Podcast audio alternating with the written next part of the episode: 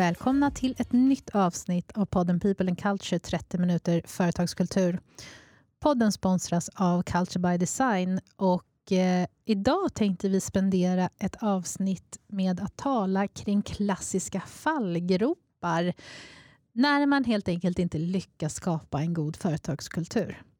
Och Angela, eh, vad är det som gör att vi kan prata om det här? Men vi jobbar ju, för er som inte känner till oss, som inte har kanske följt den här podden från början och inte har koll på vilka vi egentligen är, så är det ju så att vi jobbar med kulturutveckling eh, om dagarna. Det går in i projekt eh, hos kunder och, och, hjälper dem från, eh, man kan säga, från ord till beteenden. Alltså från att man har en, slags, en vision eller någonting man vill uppnå med sin kultur till att faktiskt se till att eh, vi implementerar rätt arbetssätt och initiativ för att det faktiskt ska hända saker i organisationen. Att man ska främja vissa beteenden. Det är det ena vi gör. Sen jobbar vi också med att stötta och coacha och rådgiva eh, HR och ledare och ja, ledningsgrupper i det här arbetet där vi stöttar. Eh, men också utbildar i strategiskt kulturarbete. Så att vi eh, har ju då, allting hänger egentligen på vår process, så som vi jobbar. Det är den vi lär ut och det är den vi coachar i och det är den vi använder oss av när vi går in i organisationer. Och I det här arbetet så eh, stöter vi ju på ganska ofta en del uh, fallgropar. Man kan säga att de kommer igen lite här och där. De repeterar sig i organisationen. När de här goda klassikerna. De goda klassikerna. Och de, ja, vi ser dem gång på gång och det är oftast de som gör att man liksom inte lyckas, eh, lyckas helt enkelt och får inte igenom det man önskar. Och de tänkte vi prata om idag. Exakt. Vi tänkte att vi skulle dela med oss av vilka dessa fallgropar är, exempel på dem och också hur ni skulle kunna motarbeta dessa. Eller hur? Precis. Och en sån som vi eh, stöter på ofta, det är ju den här eh, som handlar om att inte markera mot oönskade beteenden.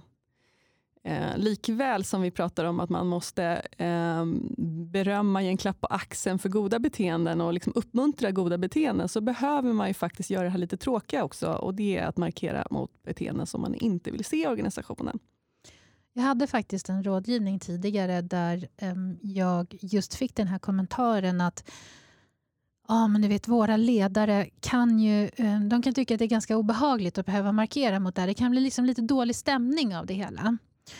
Och då, eh, Det jag brukar säga, för det här är inte första gången den här kommentaren kommer, det är just det här, har ni råd att inte markera mot de här beteendena? För vad blir egentligen effekten? Vad blir det för resultat att inte markera?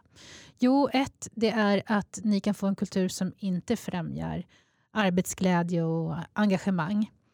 Eh, och med det menar jag att vi kan ta ett konkret exempel. Vi tar ett möte.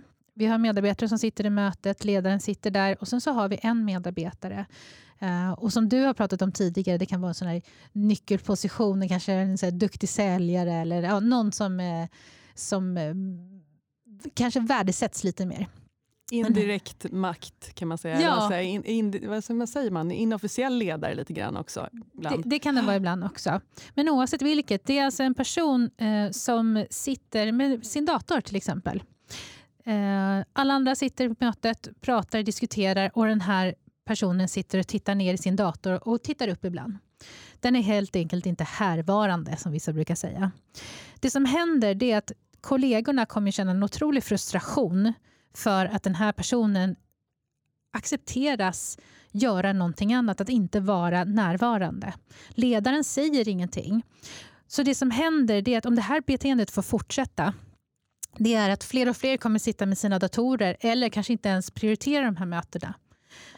Det som också händer det är att ledarens position, alltså förtroendet för ledaren, kommer till slut nå botten. Och med det menar jag det är att medarbetarna kommer inte uppleva att ledaren gör sitt, sin roll. Den följer inte upp på sitt ansvar. Så att ledare som inte tar den här man ska säga, fighten, de riskerar att helt enkelt inte få det, den trovärdigheten som de behöver som ledare sen. Och Då kan jag få frågan ibland, så, ja, men vad gör man då, då? Hur ska man markera mot det här icke önskvärda beteendet? Och det jag brukar säga, och det vet jag att du och jag har diskuterat väldigt mycket Angela, för det är just det här, hur, hur ska man göra på bästa sätt? Och eh, Det jag sa till den här personen då i rådgivningen, det är att det man behöver göra det är att man behöver skapa förutsättningar för att våga ta såna här konfrontationer. Och Det man kan göra då det är ett, att man pratar om spelregler. Hur agerar vi på ett möte? Vad är okej och inte okej? För arbetar man proaktivt på det sättet, då blir det lättare sen följa upp på ett agerande snarare än att det kan bli någonting personligt. För då kan ledaren känna sig trygg i, och för den delen medarbetare kan ju också ta ett ansvar där och känna sig trygga i att det här är det vi har committat till tillsammans. Det är uttalade spelregler. Och då blir det helt plötsligt lite lättare att kunna markera. Att sätta ramarna helt enkelt. Ja, exakt. Precis. exakt. Ja, det är det ena som är väldigt, väldigt viktigt naturligtvis, som gör det lättare att konfrontera de här eh, oönskade beteendena. Eh, sen finns det ju de som inte respekterar det ändå, då, eh, trots att man har pratat kring det. Och då, då gäller det helt enkelt att eh, kunna säga ifrån. Eh, och det där jag har pratat om några gånger vet jag, på, på um, min utbildning, att, att det handlar ju inte om att man behöver dra ner brallorna på någon och liksom, eh, gå uh, köra hårtorken som en del säger. utan, eh, utan det handlar ju bara om att vara väldigt tydlig och konkret och säga att... alltså förlåt, jag har aldrig hört det. Har du inte? Nej, jag har aldrig hört det uttrycket. Det är något som vi brukar köra hemma. Nu körde jag hårtorken på honom när man skäller ut något barn. eh, nej, det är ju det här att tala om väldigt tydligt bara att eh, Jesper, nu drar jag ur mig ett namn här, Jesper, eh, precis som vi kom, vi kommit överens om att vi använder inte dator, skulle du kunna vara vänlig och plocka undan din dator? Angela, jag vet att du och jag har ju diskuterat de här sakerna. Vad är bäst förhållningssätt till det här? Eh, och det jag ser framför mig, det är ju att man eh, uppmärksammar att det finns ett beteende i gruppen som eh, frångår det som man har, de här spelreglerna eller liksom ramarna som man har satt. Men det finns ju en risk, ser jag, eller jag vet inte, du får, du får liksom kontra där. Finns det inte en risk om man nu eh, markerar mot Per, då, som du säger, att han kan känna sig ganska eh, utpekad och att det inte blir konstruktivt. Det jag tänker är att man tar de här i en grupp, man, man uppmärksammar gruppen om att nu sker en, ett beteende som vi inte har sagt ja till och att jag som ledare kommer uppmärksamma, eh, rättare sagt ta ett samtal med den här personen på tu man hand. Men bara så ni vet om så har jag noterat det, jag har markerat och jag kommer följa upp på det här utan att man då för den sakens skull hänger ut personen. För det jag är rädd för är att personen i fråga inte kommer ta det konstruktivt sen utan känner sig uthängd. Men blir det, blir det någon skillnad eh, om man nu sitter i en grupp, alla vet ju vem det är, det, det ser vi ju allihopa, personen förstår att vi pratar om en själv. För jag tänker ju mer att det, det är uthängd, apropå det här, det var ju det jag menade lite grann med att kanske inte man, man går liksom bananas på någon utan snarare bara liksom, ja men eh, Johan, för det kan bara vara en, liksom, en, ja, ja. att man inte har uppmärksammat det. I första taget så tar man det bara liksom eh, ja, nu börjar mötet så kan, kan alla vara snälla och plocka undan sina datorer. Liksom, eh, så, så drar vi igång. Jo, men den, och den, mm. tycker jag, den tycker jag som du säger, så här, kan alla ta undan sina datorer så kör vi igång. Mm. För då blir det mer en generell sak. Jo precis, men jag är lite nog inne på det när inte det räcker. När man liksom har de här personerna som kanske inte respekterar ens det utan låtsas som att det här gäller inte mig, det gäller alla andra men jag är lite untouchable i min position. För det är lite där vi hamnar ibland, att vi har de här uh, personerna som ingen riktigt vågar konfrontera därför att man är rädd att de ska sluta eller, eller whatever. Men jag tror just att kan man bara säga det liksom sakligt behöver man ibland säga liksom vem det är och, liksom, och som sagt upprepar det sig ändå vid nästa tillfälle. Ja, då har man ju en annan situation och då kanske man behöver gå mer på att ta det här liksom, vid sidan av och så vidare. Men jag tror att det är viktigt att man visar för hela gruppen att jag, jag ser det här och det är vi nog överens om, att, att man noterar det här och att det inte liksom är okej. Okay. Så jag tror att det är liksom nivån var man lägger sig. Jag tror inte heller att man ska gå på någon så att då, då hamnar man bara i en försvarssituation. Man ska inte göra som den här eh, ledaren som um, ett företag som jag jobbade med för några år sedan som hade bestämt att inga medarbetare får ha telefonerna på eh, produktionsgolvet. Eh, och den här ledaren går in och ser att en medarbetare har telefonen, rycker den ur handen på honom, skäller ut honom så han var inte vatten värd. Nej, körde hårtorken. Körde, drog ner byxorna och körde hårtorken. Precis. Eh, och det som hände det var att medarbetaren satte sig på stående fot. Mm. Så det handlar ju hela tiden om så här, vad vill man få för effekt av det helt enkelt. Men jag tänker så här, kan det här bli en intressant eh, lyssnarfråga? Absolut. Vad säger ni? Är det rätt att säga till Per framför de andra att det här har vi sagt att det är inte okej att ta undan datorn? Eller ska Fast man... vänligt. Vill jag Fast vänligt. Eller mer uppmärksamma gruppen om att det finns beteenden som vi har committat till eh, och att eh, berörda personer kommer att få samtal efter helt enkelt. Det kan vara intressant. Vi har ju aldrig ja. kört vi har aldrig kört en lyssnarfråga. Vad, vad tycker du som lyssnar? Eh, maila in till hello at culturebydesign.se.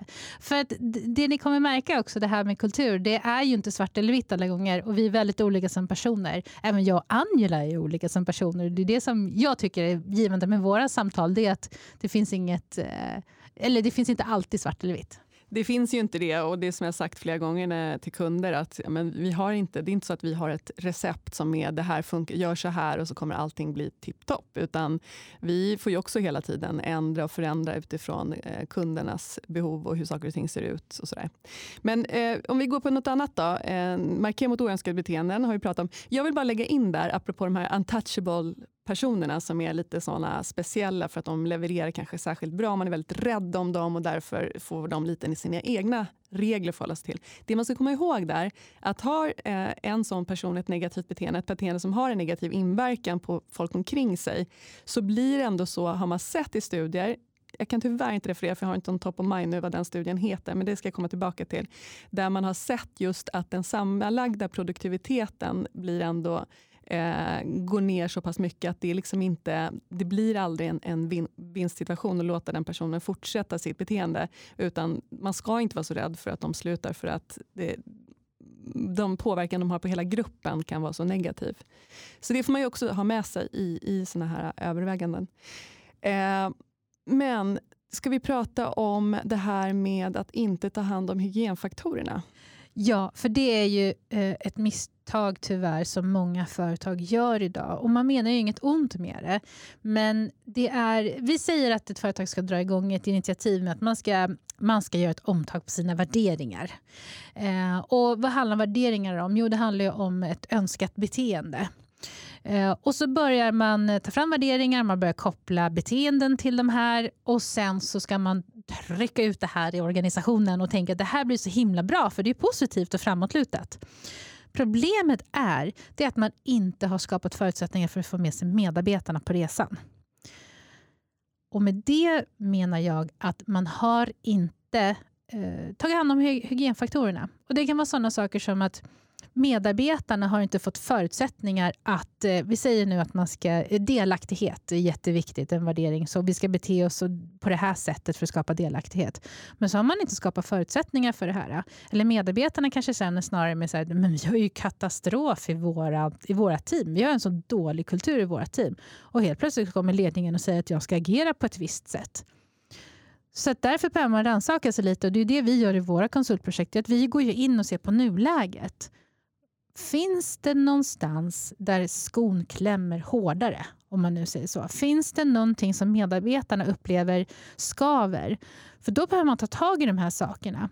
Jag sa det i rådgivningen nu på förmiddagen, det är att just det, det gäller ju att om ni som företag förväntar er att medarbetare ska bete er på ett visst sätt, då måste ni också skapa förutsättningar att lyssna på dem, hur deras vardag är och se på vad deras Ehm, förutsättningar finns för att kunna bete sig så här. Så det handlar om ett givande och tagande helt enkelt. Ja, men precis, man kan ju vara väldigt konkreta. Vi kan ju, det är till exempel vanligt att man eh, hör organisationer som ska jobba på att bli mer kundfokuserad, kundcentrerad. Att det är en värdering eller en, ja, men, eh, någonting de vill ska genomsyra kulturen. Att kunden i centrum och så vidare.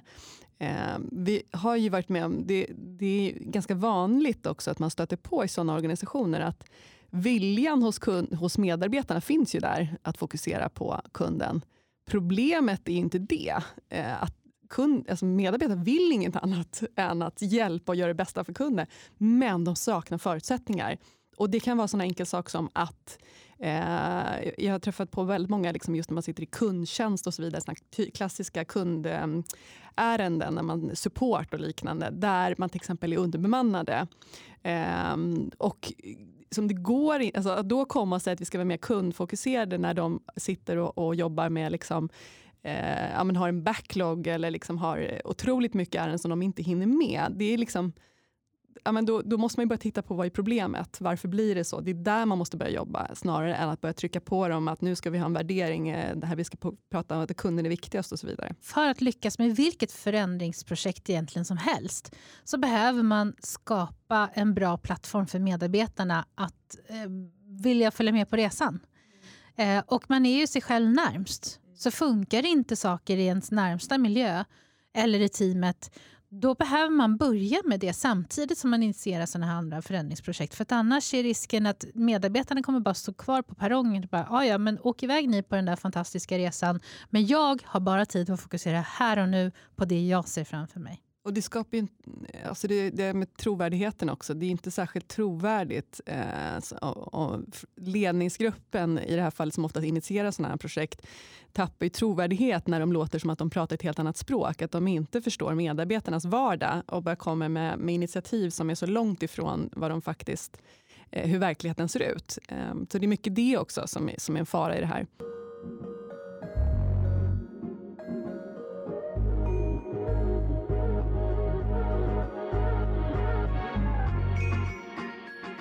En annan fallgrop som jag funderade på nu, um, det är det här med um, att leva som man lär. Ja, den härliga. Vad tänker du när jag säger den? Jag tänker att den låter så lätt. Alltså det kan låta helt självklart. Jag tror att de flesta sitter och nickar att det är så. Liksom. Men konstigt nog så, så stöter vi på så många exempel när, man in, när det inte är så. Eh, det vill säga, och, och vad jag menar med leva som jag lär, men när man pratar värderingar och värdeord, om man nu väljer att kalla det, så är det väldigt mycket så att man tar fram de här, men sen så redan i ledningsgruppen då, så har man problem att leva efter dessa värderingar och den här värdegrunden. Och då har vi det här med trovärdigheten igen, att det blir, liksom värt, det blir värt noll. Det betyder ingenting. Ehm, jag brukar säga det, att värderingar är ju ingenting man ska lära sig utan till som medarbetare. Det är något man ska känna och uppleva hela tiden i, i vardagen. Um, och det kan man inte göra förrän man är, liksom, i, känner det ända från ledningsgruppen. Jag brukar säga det att, precis, att värderingar som sagt, det ska genomsyra hela kulturen. Eh, och det gör det bara när, när folk eh, när det känns och upplevs i sättet man gör saker på, sättet man arbetar på, initiativen man har i organisationen. Eh, och, och om vi ska vara väldigt konkreta så kan man ta en sån exempel att man pratar kring om man nu tycker att balans mellan arbete och fritid är en viktig, eh, viktig del av vår kultur i en organisation. Ja, men då, då går det tyvärr inte att ha ledare i organisationen som mejlar på helger eller kvällar och, och så vidare. Um, för det blir liksom, man säger emot sig själv helt enkelt. Ja, och sen så tänkte jag på ett annat konkret exempel. Jag jobbade med ett företag för några år sedan som sa att de um, att alla var lika värda. De tyckte att det var viktigt att det, vi, är, vi gör inte skillnad på folk och folk här, som de sa. Eh, och det som hände det var att de ändå fick eh, lågt på upplevelsen. De fick att, ehm, just det här att vi gör skillnad på folk och folk fick de lågt på när de gjorde en, en undersökning. Och så förstod de inte riktigt vad, vad, vad beror det här på. Och då kom jag in som eh, konsult och så, så man ställer de här frågorna och man eh, tittar på datan och allt sånt där. Och sen så ser jag att det här företaget har något som de kallar för senioragruppen. Och så blev det så här, jaha, vad är senioragruppen för någonting då? Jo, nej men det är en grupp som eh, är, eh, består av de bästa säljarna i företaget. Och då sa jag bara, Ja, då förstår jag. Och de tittar på mig och säger, men vadå? Eh, för det var ju en god tanke, för de vill ju premiera att man gör någonting bra för företaget. Och då skulle den här Seniora gruppen, deras funktion var att de skulle fungera som ett bollplank till ledningsgruppen. Eh, och Det jag uppmärksammade då, det de inte hade förstått, det var att genom att premiera den här gruppen så exkluderar man ju alla andra. För att signalvärdet, eller symbolvärdet, det som blir, det är att man signalerar att här räknas din röst om du säljer.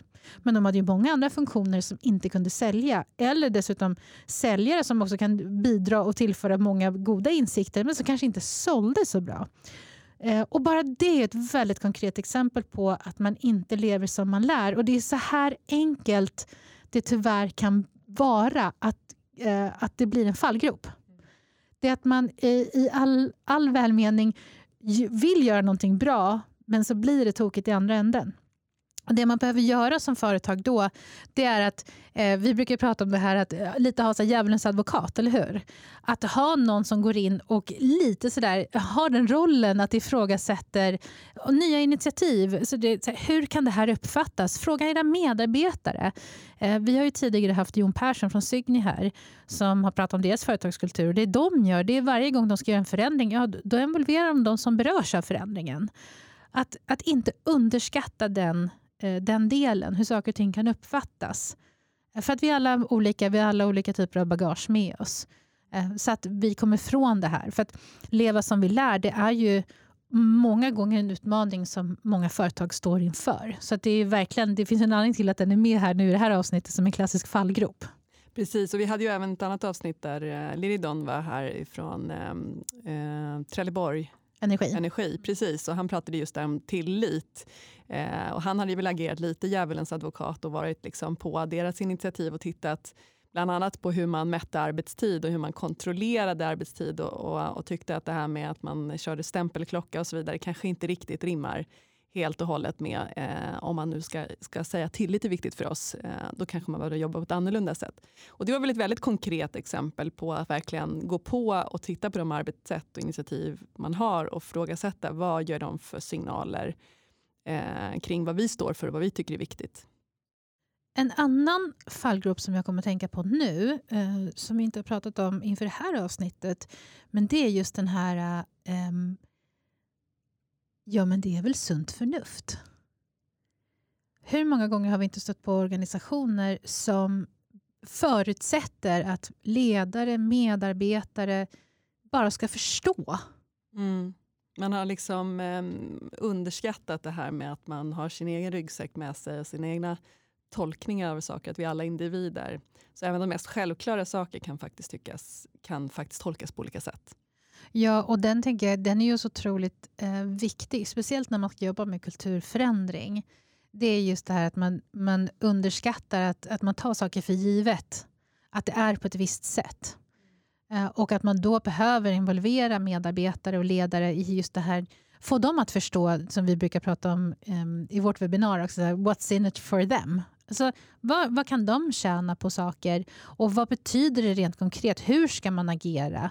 Att man liksom förklarar syfte med saker och ting så att man kommer ifrån det där sunda förnuftet utan det snarare blir med att man har en gemensam, um, en, en, en gemensamt språk, dialog kring hur saker och ting ska vara och varför de ska vara som de är. Och, och det är också därför um det, um, kulturen alltid är någonting, det är, därför att kultur aldrig kan bli statiskt. Därför att medarbetare byts ju ut och det förändras och saker händer som påverkar organisationer och så vidare. Vilket gör att de här eh, kan alltid, saker och ting kan alltid tolkas om och börja, liksom påverkas och börja dras åt ett annat håll mot vad du har tänkt från början. Så man behöver hela tiden jobba med sin kultur kontinuerligt. Exakt. Och en annan sak, eh, apropå det där med kontinuerligt, då kommer vi in på en annan av de här fallgroparna och det är just det här att man underskattar värdet av att eh, visa uppskattning. Precis. Det är ju, eller att man också bara kopplar det till monetär eh, uppskattning. Det är det något också. som är väldigt vanligt. att ja, men Vi har ju bonus eller provision eller, och så vidare. Eller de här, eh, vi åker ju på den här konferensresan varje år eller vad det nu är. Eh, och missar det här med att jo, men det är den här dagliga, eh, att, eller få höra den här återkopplingen på vad man gör som är bra. Och där finns det också, när man tittar på studier, så är det väldigt viktigt att kunna sätta det i ett sammanhang. Om det ska få större, större effekt och större betydelse så ska man gärna sätta det i en kontext kring varför det är viktigt, liksom på vilket sätt har det hjälpt oss eller mig eller den här, liksom, din insats, vad den gjorde för att, på vilket sätt det underlättar och så vidare.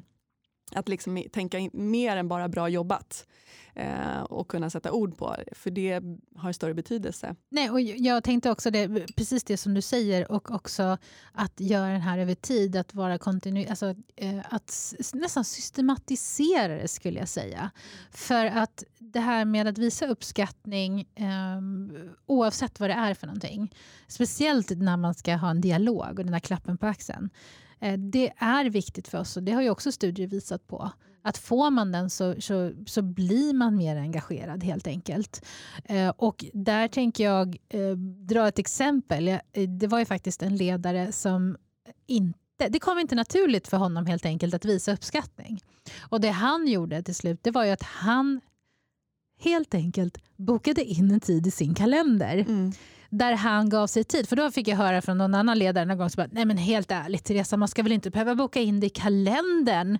Hur eh, krystat blir det inte då när man ska ta det till medarbetaren? Nej, men det det handlar om det är att han bokar in det i kalendern för att han ger sig tid till att reflektera kring Exakt.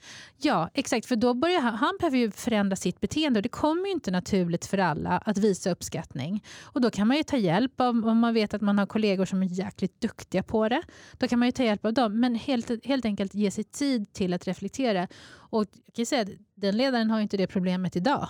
För att nu har han skapat ett nytt beteende kring att visa uppskattning och det kommer absolut inte krystat på något sätt alls. Nej, det kan ju låta skittråkigt när man säger så här, systematisera uppskattning, ungefär som att man sätter i kalendern så går man runt och säger bra jobbat, bra jobbat, bra jobbat till alla. Det är ju inte det det handlar om, utan precis som du säger, det är att ha en påminnelse, för att det är lätt att man glömmer bort det också. Även om man inte har svårt för det så kan man lätt glömma bort det. Man kanske tänker eh, flera gånger i veckan om ja, vad bra det där var, eller liksom, men, men sätter inte ord på det. Men att ta sig det, den tiden att fundera igenom, för då kan man också formulera det, sätta ord på det, sätta det i sammanhang och liksom komma med konstruktivt positiv feedback till, till en medarbetare, vilket har ett väldigt stort värde.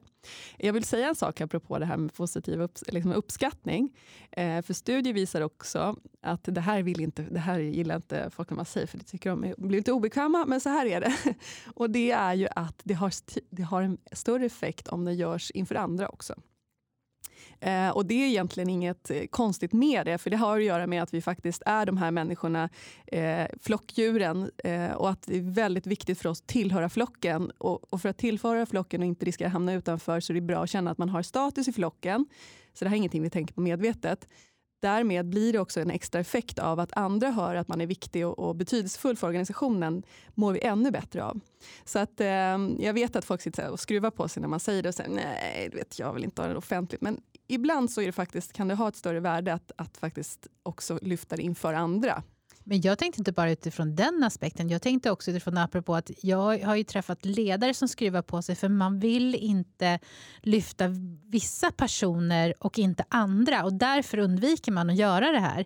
Jag är ju också Eh, av den åsikten att man bör göra, man ska lyfta inför varandra. Men, och då kan jag få frågan mer så här, för det, jag har ju varit med om ledare som faktiskt har sagt att de har haft medarbetargrupper som tycker att det är orättvist att det, att det är vissa människor som lyfts, så att det kan liksom en känsla av orättvishet. Men det som, det som är, det är ju det att systematiserar man det här, då kommer inte det här ske. För att vad är det man kan visa uppskattning för? Jo, det här behöver inte bara handla om resultat. Det kan vara, handla om att hur man agerar mot varandra, om man lever sina värderingar värderingar. Det kan vara så många olika aspekter. Man hjälpte en kollega, man löste ett problem. Så att det finns så många olika sätt att visa uppskattning på. Man kan också ha eh, det som en liten eh, upp, utmaning till sig själv. Om man vet att det är vissa personer man kanske har svårare för som ledare, som man kanske inte har den här personkemin med och lite sådär att verkligen ha med dem på, en, på sin lista eller i, sin, liksom i sitt huvud och fundera kring, finns det någonting som personen faktiskt har gjort bra, som jag skulle kunna berömma? Finns det någonting som... Och, och, för det kan ju finnas andra aspekter, även bara för att det inte är de självklara sakerna som man, som man själv ser. Det kan finnas andra saker värda att lyfta. För det kan faktiskt förändra dynamiken i bara mellan de, eh, de medarbetarna och sig själv som ledare. Um, en annan aspekt som, som eh, är väldigt viktig, när man, eh, en, en fallgrop som vi stöter på, det är det här att man inte prioriterar det som är mest betydelsefullt för medarbetarna. Det vill säga, Ehm, många har ju medarbetarundersökningar idag och så, så, utgår man ofta när man ska ta sina initiativ, sina strategiska initiativ för att förbättra medarbetarupplevelsen. Då utgår man ifrån de här eh, och eh, ja, tittar ganska, det enklaste är att man ofta tittar där man har lägst och så börjar man aktivt att jobba med de här aspekterna. Ehm, men det är inte säkert att det är det här som är viktigast för medarbetarna. Och här kommer vi igen in på det här med att involvera medarbetarna på rätt sätt. Ehm, för det är väldigt viktigt för trovärdigheten och känslan av att man faktiskt är lyssnad på och hörd, att man väljer att prioritera rätt Exakt saker. Så. Och Det är just det där att, att underskatta inte värdet av att involvera era medarbetare. Jag nämnde ju Signy tidigare i avsnittet. Um, det, det, är just det här att förstå vad de värdesätter mest gör att ni blir mer effektiva som organisation, som företag. För att det gör också att ni får en förståelse för vilket motstånd kan ni eventuellt stöta på? Vad kan det finnas för utmaningar? Och vad finns det för fördelar? Ta med medarbetaren på den här resan, vad ni nu än ska göra. För då blir det väldigt mycket lättare för er sen att implementera det här sen. Så att det inte blir den här fantastiska produkten som bara ligger i skrivbordet. Eh, så involvera medarbetarna i största möjliga mån. Och där, ehm, det vi har erfarenhet av det är ju vi brukar utbilda sådana grupper också. Det är sådana kulturgrupper, culture crews som vi kallar det för. Där den här gruppen, det blir ett gäng mm, ambassadörer kan man säga som fungerar som ett bollplank till HR, till ledningsgruppen i viktiga frågor. Och Det är ett representativt urval av medarbetare som man då kan bolla olika frågeställningar med och förändringar med. Och De kan ju äga väldigt mycket av de här sakfrågorna själva. Där möter vi ibland motståndet att man är lite orolig och rädd för att involvera medarbetare. Alltså, det, kan, det ska komma förslag, idéer och tankar och, och, eller, eller lyfta saker som man faktiskt inte kan förändra eller har möjlighet till och jag inte har råd eller det är liksom inte så som man vill jobba och så vidare. Vad har vi att säga på det, till det, Teresa? Det handlar om att ge dem tydliga ramar kring vad har de för befogenheter och mandat? Eh, vilka förväntningar finns det på gruppen? Får de ta beslut? Har de någon budget? Eller är det en mer rådgivande funktion? Så att man gör det klart och tydligt redan innan. Så att det inte blir som den här vdn som kom och sa till mig jag skapade ett sånt där initiativ och sen helt plötsligt kom de och sa att de ville implementera ett system för 60 000 och det hade jag inte pengar till. Nej. Så det är otroligt viktigt att, att vara tydlig med vad man har för förutsättningar i den här gruppen. Och så ska man inte underskatta det här med att bara bli hörd i det som är det viktiga. Alltså jag tror att eh, många gånger har medarbetare full förståelse för att saker och ting inte kanske kan bli precis så som de önskar. Eh, men bara man får liksom föra fram och man får tydlig logik bakom eller förklaring till varför det inte blir så eller varför vi inte kan göra på det här sättet. Det kan räcka. Men just det här att bara stänga locket och inte lyssna eller stänga dörren eller vad man ska säga, liksom inte höra på medarbetarna, det är sällan en bra väg. Det skapar oftast frustration och de här sakerna pratas det om även om ni inte får höra dem. Då pratas det om dem i fikarummet, då pratas det om dem eh, på fritiden eller kanske rent av på arbetstid. Men man, liksom, man, man snackar om det ändå. Det pyser ut någonstans men ni får bara inte höra det.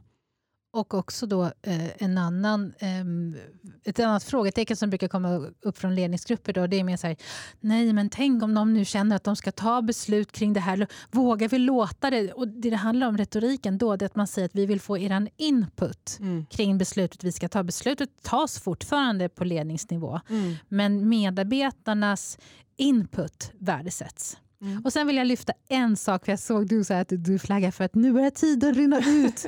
eh, viktigt att tänka på också när det gäller involvering, det är att det kan gå överstyr också.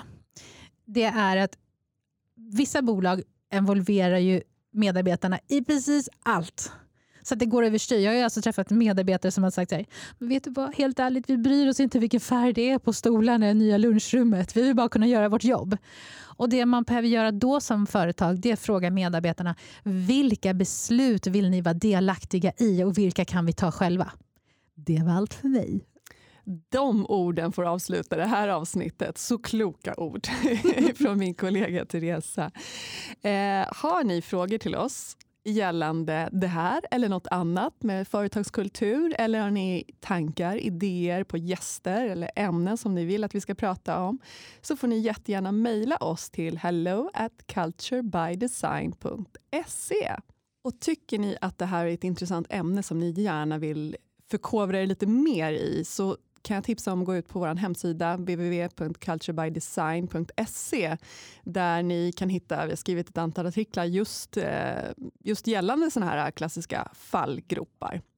Ja, precis. Och sen har vi också, vi har inte bara artiklar, det slog mig nu också, vi har ju uppdaterat hemsidan så nu finns det också lite videoklipp också, bland annat om graden av involvering styr engagemanget. Så att, gå in på fliken om företagskultur på vår hemsida så hittar ni massa smått och gott. Stort tack för oss och vi önskar dig en fortsatt trevlig dag. Hej då!